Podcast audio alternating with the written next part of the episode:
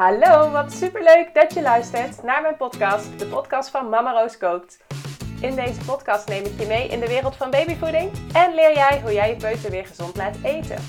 Zo weet jij hoe jij je kindje de beste start kan geven en kunnen jullie als gezin genieten van gezellige etentjes samen. Mijn persoonlijke verhalen als mama van drie meiden, maar ook mijn achtergrond in psychologie, voeding en onderwijs hoor je terug in de verhalen van deze podcast. Veel plezier met luisteren! Yes, ik kreeg vandaag een toffe vraag en ik dacht, daar ga ik even een podcast over opnemen, want ik weet zeker dat ik daar ook nog veel andere ouders mee kan helpen. Ehm, de vraag was van een van mijn klanten die uh, met fase 2 bezig was. Dus die was uh, haar baby hapjes aan het geven volgens mijn eetschema van fase 2. Uh, eh, ze zei, het gaat hartstikke goed. Um, mijn kindje houdt echt lekker van groente en fruit. Uh, maar ze wilde haar kindje steeds meer met de pot mee gaan laten eten. En dat is echt helemaal goed. Hè? Dus als je dat tussen de 6 en 10 maanden, waarin uh, fase 2 plaatsvindt, uh, als je daar uh, mee gaat starten, dat, dat heeft heel veel positieve gevolgen. Je kindje vindt het ontzettend fijn vaak om te zien dat hij hetzelfde eet als wat jullie eten. dus dat werkt goed. Daarnaast krijgt je kindje op die manier ook wat structuur in plaats van alleen maar de hapjes helemaal fijn gepureerd. Um, dus uh, het is zeker goed om je kindje al mee te laten eten. En hij went daardoor ook aan de smaken die jullie aan tafel gewoon regelmatig eten. Dus um, ook de manier bijvoorbeeld waarop jij dingetjes kruidt, als je kindje daar al aan uh, kan wennen, nou, dat, dat werkt heel goed. Maar de vraag uh, van deze moeder was: van, wij koken groenten vaak gaar in bouillonblokje.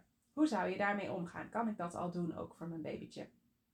Nou, uh, ik heb zeker geadviseerd om dat, uh, om dat niet te doen voor, uh, voor je babytje. Dus ik vind het heel goed dat ze haar baby al mee wil gaan laten eten. Maar in het geval van die bouillonblokjes, dan zou ik twee pannen gebruiken. Dus je hebt bijvoorbeeld een bloemkool schoongemaakt. Dus je hebt een bloemkool um, in, gesneden, in roosjes verdeeld.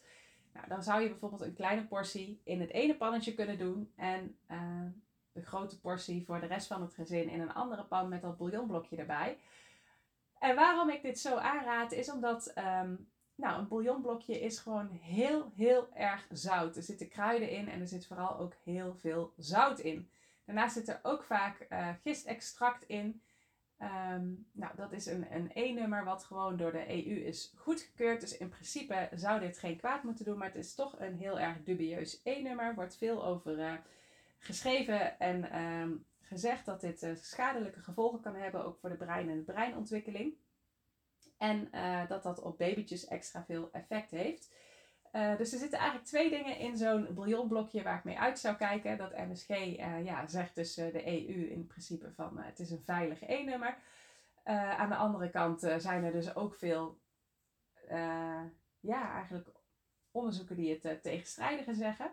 Maar dat zout, dat is sowieso iets voor babytjes wat gewoon echt nog niet goed is. Uh, de nieren van je babytje kunnen dat gewoon nog niet aan. Dus uh, geef echt uh, geen, geen zout tot één jaar. Of in ieder geval zo min mogelijk. Want je kindje krijgt toch wel zout binnen. Want die gaat bijvoorbeeld ook op een gegeven moment eet hij bijvoorbeeld brood. Nou, in brood zit ook altijd wel zout toegevoegd. Um, en ook veel andere productjes. Misschien geef je af en toe bijvoorbeeld een rijstwafel als je kindje wat ouder is. Nou, daar zit ook al zout in. Je kunt je kindje gewoon niet helemaal zoutloos opvoeden. En dat is ook niet erg, want een klein beetje zout mag wel. Maar hou het zo klein, zodat je niet ook nog zelf zout gaat toevoegen aan het eten. Dan is het alleen nog via de uh, standaard producten, zoals inderdaad een, uh, een boterham of beleg of zo, wat ik al uh, zei. Um, nou, dat kun je dus doen door dan twee pannen te gebruiken. Wat wij vaak ook deden bijvoorbeeld was gewoon, uh, we hebben tijdenlang zoutloos gekookt toen de kindjes uh, met ons met de pot mee gingen eten. En dan zetten wij wel altijd gewoon zout en peper op tafel, zodat we zelf onze dingetjes nog extra smaakvol uh, konden maken door gewoon nog wel zout over een gerechtje heen te doen. Um, ja, dat werkte voor ons helemaal goed. En uh, je moet daar even je eigen manier in vinden. Er zijn trouwens, uh, als je heel erg van bouillon houdt, er zijn natuurlijk ook zoutloze bouillonpoeders of uh, bouillonblokjes. Nou, die zou je wel kunnen gebruiken. Um, en er zijn ook steeds meer bouillonpoeders of bouillonsoorten waar geen MSG in zit. Dus geen gistextract in zit. Dus daar zou je ook nog eens naar kunnen kijken. Die gebruiken wij zelf bijvoorbeeld ook als we soep gaan maken. Of ik maak gewoon zelf bouillon. Um, nou moet ik wel zeggen dat vaak ook een van de dingen die bouillon heel lekker maakt, ja, dat is ook zout en MSG. Dus het kan best wel dat als je zoiets gaat gebruiken, dat je, het, dat je er heel erg aan moet wennen. Sowieso vaak als je de overstap maakt van veel bewerkt eten. Dus je hebt bijvoorbeeld veel pakjes en zakjes altijd gebruikt. Of veel kant-en-klare producten. Als je naar puur eten overstapt, ja, op een gegeven moment wil je echt niet meer anders. Want dan ben je zo aan die pure smaken gewend en dan ga je dat ontzettend lekker vinden. Maar de overstap is vaak best eventjes moeilijk.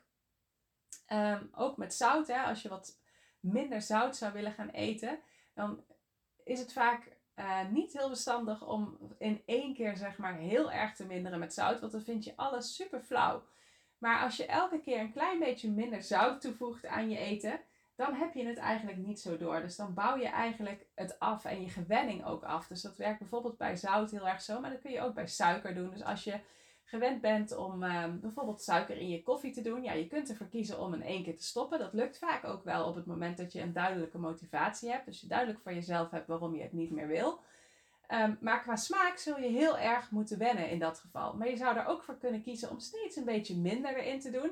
En dan heb je het eigenlijk niet zo door. Totdat je op een gegeven moment bijvoorbeeld op nul bent of op um, waar je op wil zitten. In de voedingsindustrie maken ze daar ook gebruik van. Hè? Dus als ze um, hebben bijvoorbeeld op een gegeven moment hebben ze gezien van, oh, we hebben wel heel veel producten waar veel zout in zit. En de gemiddelde Nederlander krijgt veel te veel zout binnen.